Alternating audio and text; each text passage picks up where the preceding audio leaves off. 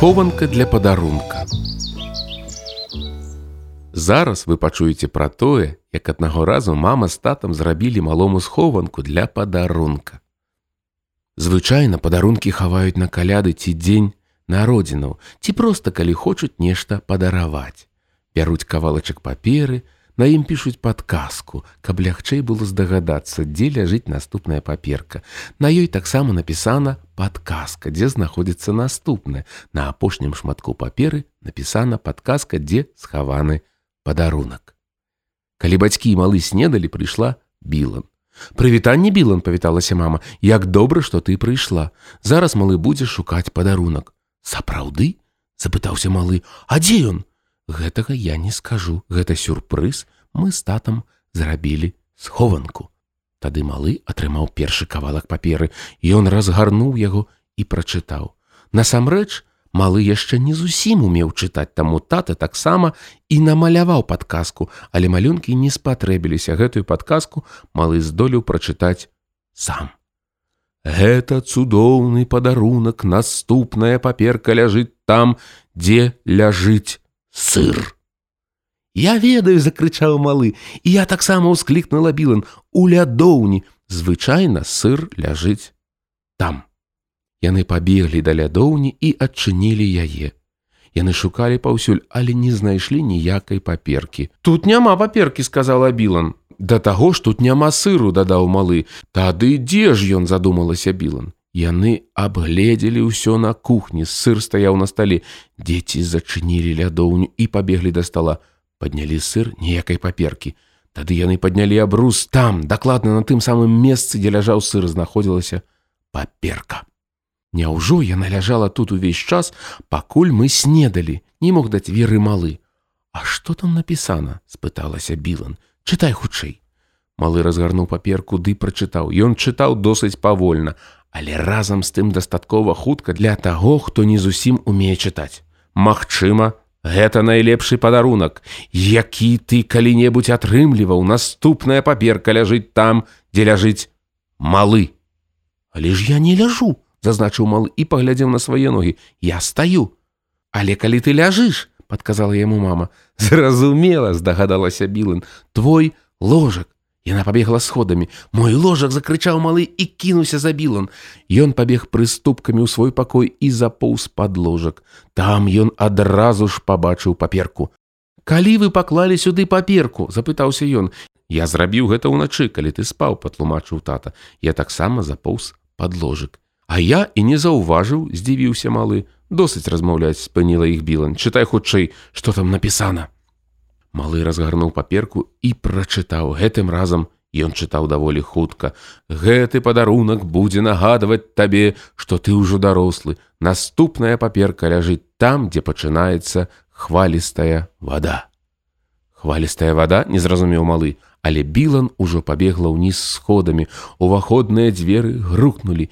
Тады малы таксама ўцяміў, Ну вядома ж, гэта возера закрычаў ён і таксама кінуўся ўніз прыступкамі. Яно пачынаецца складкі. Ён апрануў чаравікі ды выбег на двор, мама з татам пабеглі за ім. Калі яны прыбеглі да кладкі, Білан ужо стаяла там і чакала малога. Яна ўзяла з сабой ровар, таму яна прыехала туды раней за ўсіх. Яна была задаволеная. Я знайшла паперку, сказала яна. Дзе яна? запытаўся малы, паміж вунь тымі дзвюмя дошкамі.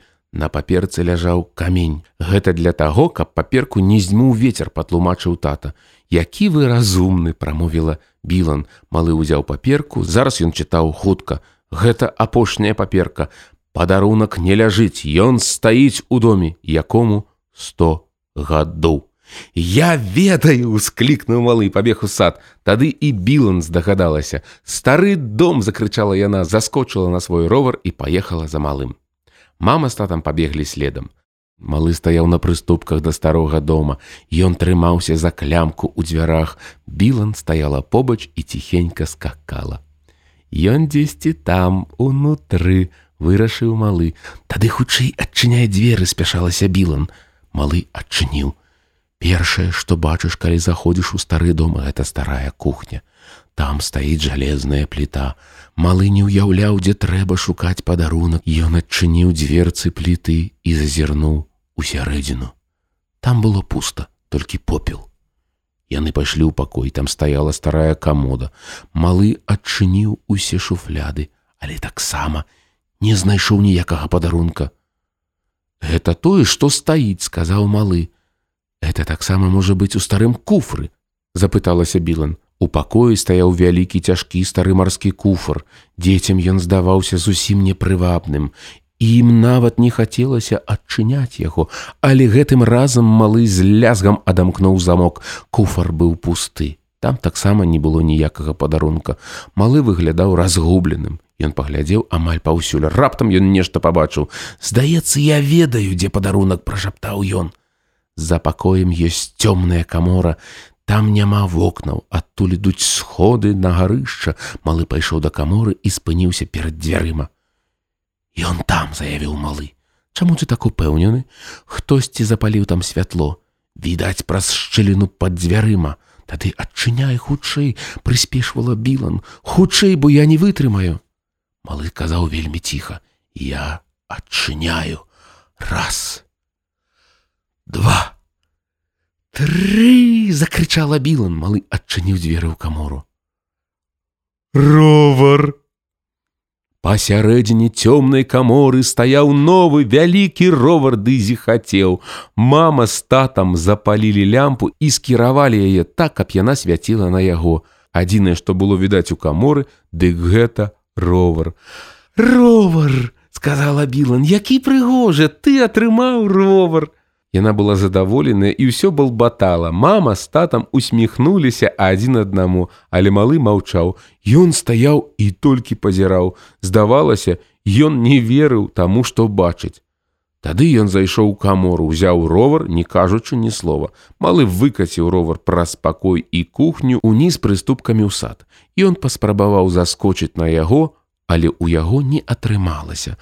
Ровар быў занадта высокі. Тады ён адкаціў ровар назад да прыступак, стаў на першую прыступку і залез на яго. Ён паехаў. На пачатку ён трохі хістаўся ў бакі, але потым у яго атрымалася добра. Ён знік за рогам старога дома.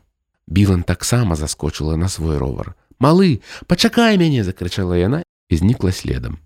Яны ехалі знаёмымі сцежкамі, малы наперадзе, а Білан за ім, але малы ехаў незвычайна хутка і на незвычайным ровары. Ён незвычайна гучна спяваў незвычайную песню. Ого, маё сэрца ўсё яшчэ жыве.